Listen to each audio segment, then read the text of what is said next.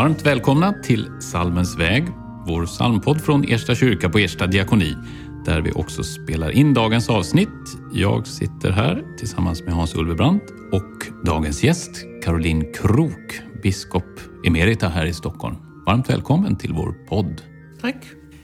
Vi har ju bett dig att välja ut tre salmer som knyter an till fastetiden och påsktiden. Många av dem som kommer hit och väljer ut salmer tycker att det är svårt att välja så få. Var det svårt att välja ut tre salmer för den här tiden? Eller föll det sig självklart? Jag älskar ju Olof Hartmans salmer så att eh, jag skulle välja tre Hartman-salmer. Mm. Och där finns det många att välja på. Han har skrivit ett tjugotal salmer och bearbetat ett tjugotal salmer. Och då tänkte jag ska välja dels någon av dem han har skrivit och dels någon bearbetad. Mm. Men alla är så fina så att uh, det, det, var, det, var, inte så svårt att välja, det kan jag säga. Det. När vi startade Ersta kulturscen då bad vi ju dig komma hit. Så du hade ju liksom introduktionsunden i vår, när det gällde att markera vikten av att ha en kulturscen på Ersta diakoni. Och då just för vi, vi visste att du både kände och vet mycket om, om Olof Hartman och viktigt för honom att binda samman liturgi och diakoni.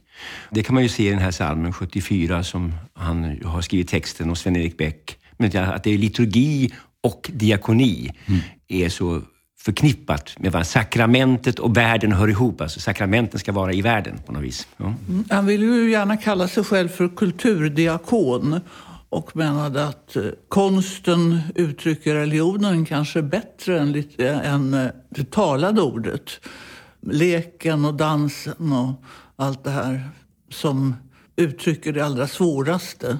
Han var ju med om en sån här mystik upplevelse i början av sin prästtid och den följde honom hela livet. Han kallade det för en vere adest-upplevelse. Vere, sanning, adest, närvarande. Gud är verkligen närvarande. Och det, det, hela tiden efter den upplevelsen så försökte han finna ett språk som var tillräckligt genomskinligt för att kunna uttrycka det mystika.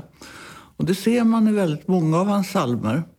Och den här salmen 74, Du som gick före oss längst in i ångesten, Hjälp oss att finna dig, Herre i mörkret. Det är en psalm som han skrev eh, till en melodi. Sven-Erik Bäck hade skrivit melodin 1959 och sen skulle han ha en tv-gudstjänst i Sankt Thomas kyrka. Och då ville han ha en nattvardssalm till den gudstjänsten. Och så bad han Olof att skriva en nattvardssalm. Och då tyckte han först att melodin var svår. Och det är den ju. Det här är en tolvtonsmelodi. Om man då, då tänker på 59-60 här, det var ju en, en o, o, helt nytt tonspråk egentligen. Verkligen.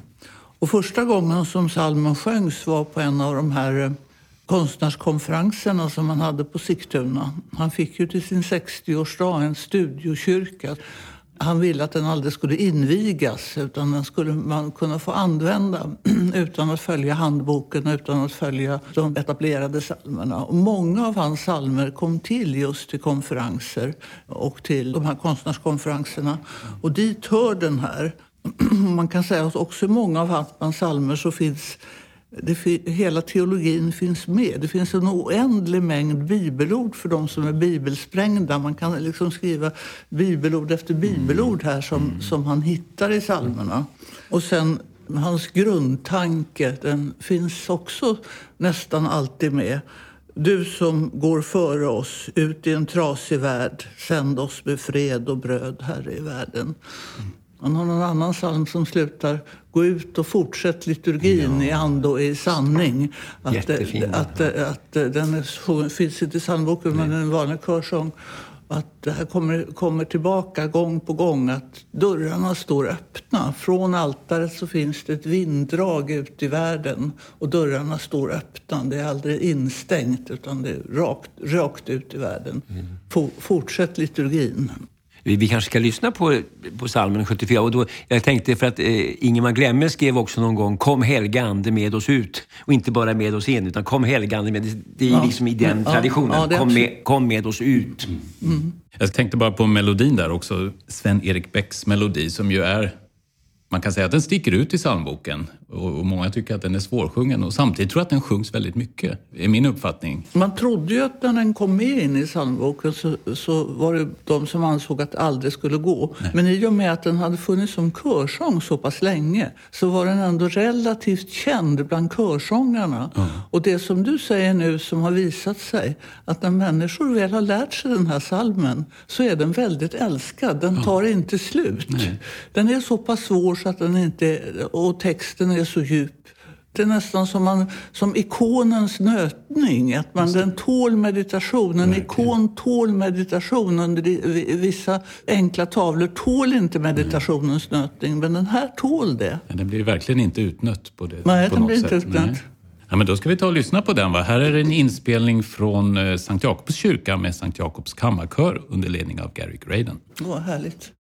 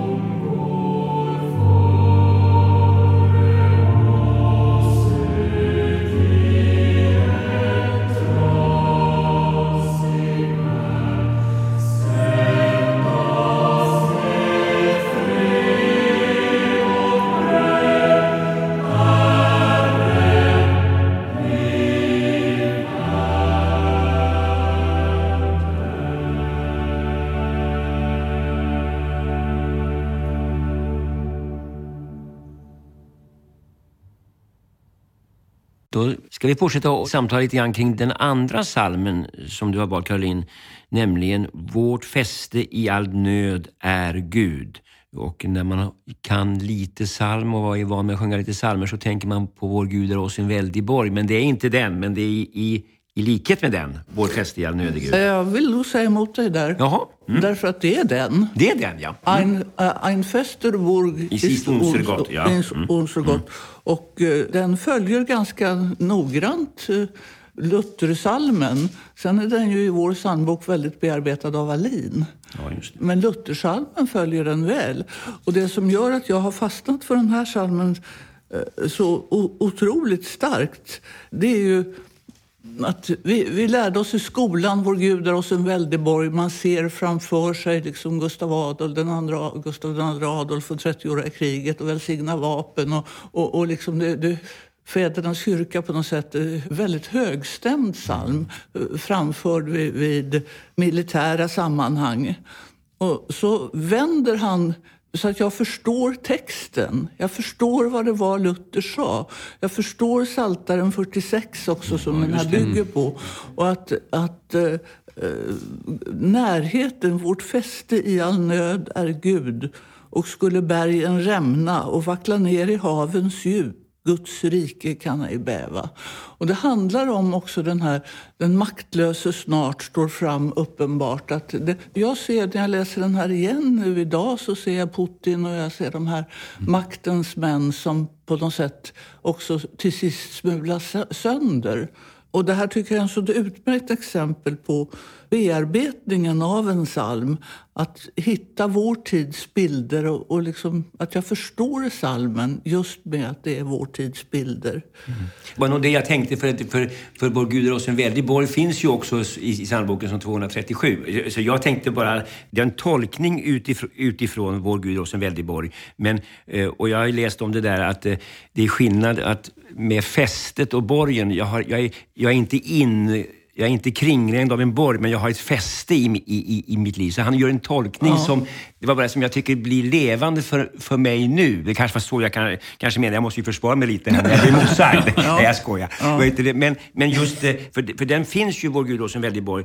För jag, den här salmen tycker jag så mycket om. Och jag tycker så mycket om, jag ser att, att den är skriven samma år som jag är prästvigd också, har jag sett. Så, så jag tycker det är väldigt roligt, 1977. Så jag tycker att eh, vår fest... Ja, jag och jag tror att de gjorde klokt i psalmkommittén att de inte valde att byta ut Vår Gud oss en väldig borg utan den står helt enkelt på två olika nummer. Mm. Att Vår Gud oss en väldig borg finns mm. kvar mm. och så står den här som ett nytt nummer.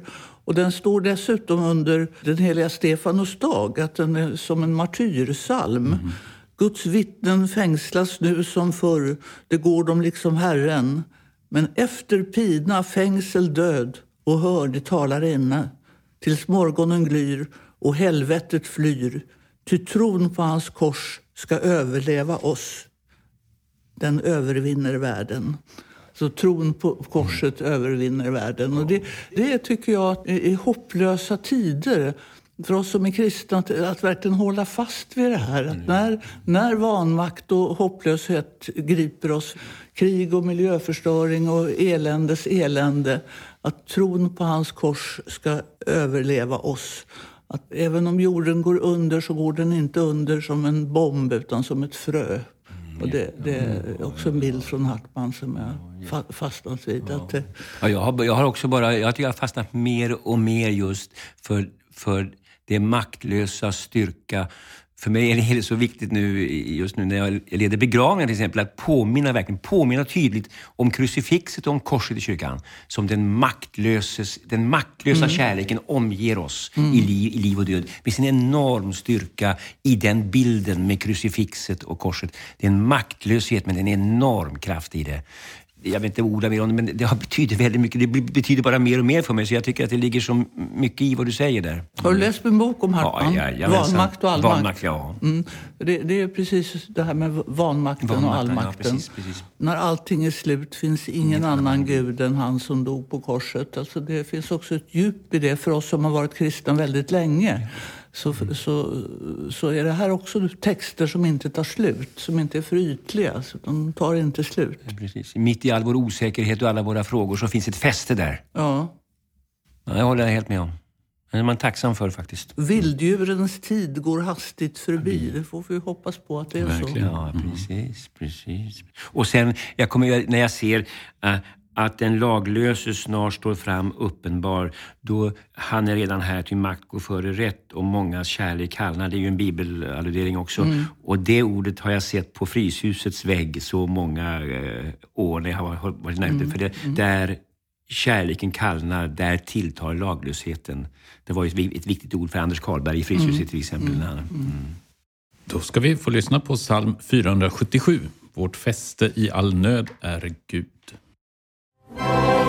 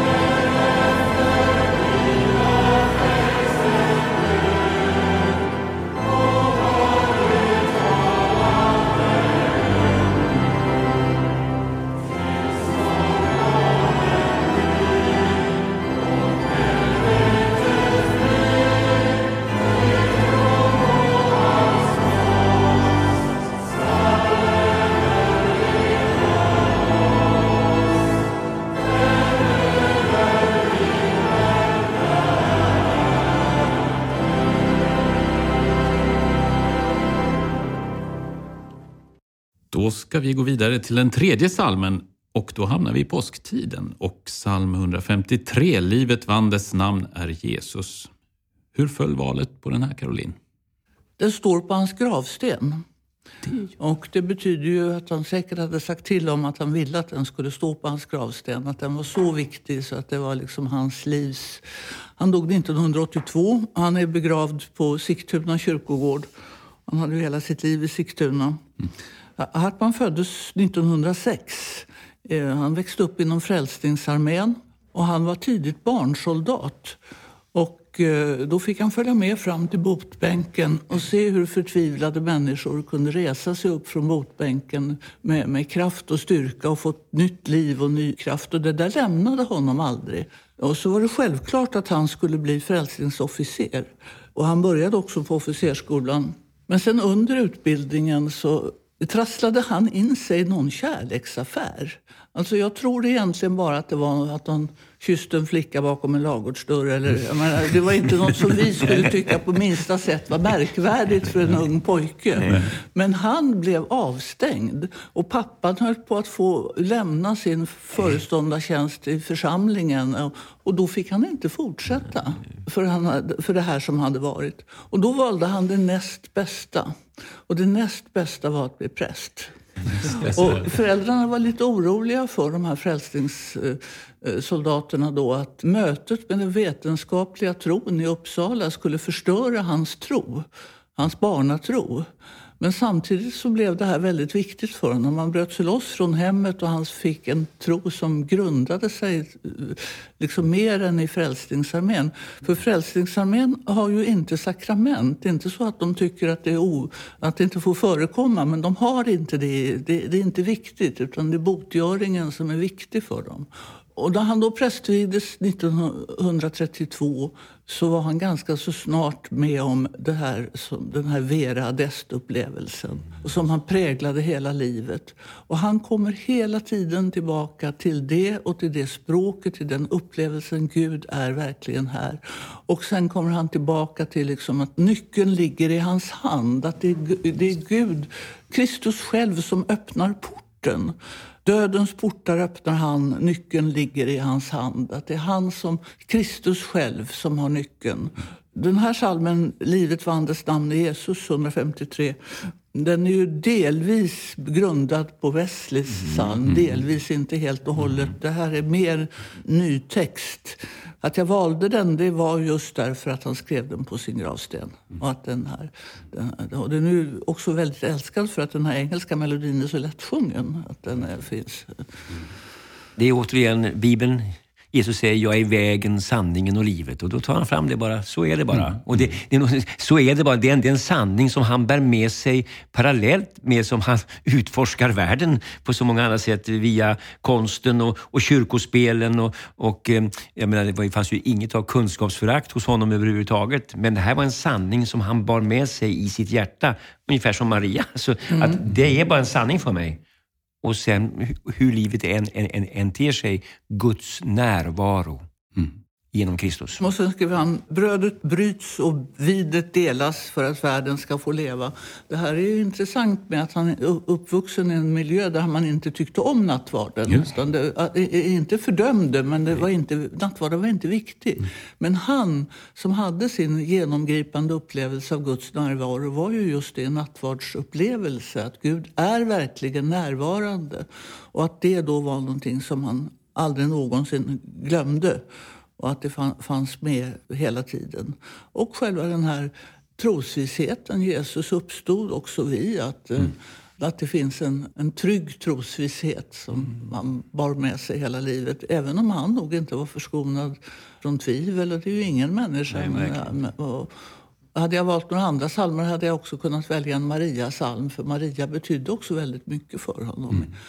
Det finns den här kontemplationen och stillheten. Och att det, men den här salmen är ju en, en, en lovsalm det, som man bär med sig li, livet igenom. Mm. På tal om barnatron och, och Frälsningsarmén och, och det, föräldrarnas rädsla. Så jag, jag, vet att jag har en, en, en specialare som jag fick av min första chef som betydde mycket för mig. När han berättade där om Saltaren 23. Herren är min herde, mig skall intet fattas. Mm.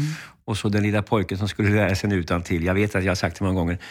Herren är min, jag kan inte fattat. Mm. Och det är ju alltså, mm. den sanningen människor jag har mött med kristen erfarenhet som har betytt mycket för mig. Det har liksom varit så självklart för dem mitt i livets både uppgångar och nedgångar. Så det har varit ändå varit Kristusnärvaron är här i alla fall. Och det är det man anar tycker jag när man sjunger Hartmans psalmer så känner man det, det finns en stuns i det. Mm, visst gör det mm. När dödens portar öppnar han, nyckeln ligger i hans hand, alltså hos Jesus Kristus.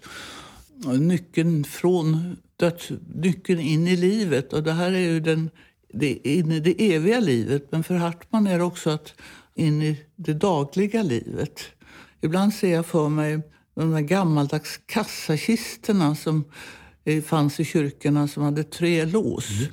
Och det var ju en säkerhetsåtgärd att, för att öppna den där kistan. Så det var mm. prästen och det var den förtroendevalda och det var ytterligare någon lekman som hade de varsin nyckel? Då? hade varsin nyckel. Och det kan man använda då för att det är det gemensamma ansvarstagandet för kyrkan. Och att man kom inte in till, till pengarna, till budgeten om man inte Nej. hade de här tre nycklarna till samarbetet. Men man kan också säga att det, att det, det finns eh, nyckelord eller nyckelbegrepp som man inte kommer åt skatten i kistan om man inte kan de här begreppen. Man liksom kommer överhuvudtaget inte åt det om man inte har nyckeln kärlek. Det, har man inte den så kan man inte öppna kistan. Det finns också andra nycklar som man måste ha för att komma åt skatten. Om skatten är Jesus Kristus på något sätt, om man måste komma åt skatten. Då kan vi säga att de, den ena nyckeln heter nåd. Och det är en sån nyckel som ofta krånglar. Och, och den tredje nyckeln heter offer och den krånglar ännu mera. Mm. Därför att det är ett jättesvårt ord att Jesus offrar sig för oss och att han förlåter oss av nåd. Det här är djupa teologiska begreppen som är jättekrångliga, de här kyrkliga stororden. Men man kommer inte in i kistan om man inte Utan har dem. de här tre nycklarna tillsammans. Det räcker inte med en nyckel. Nej.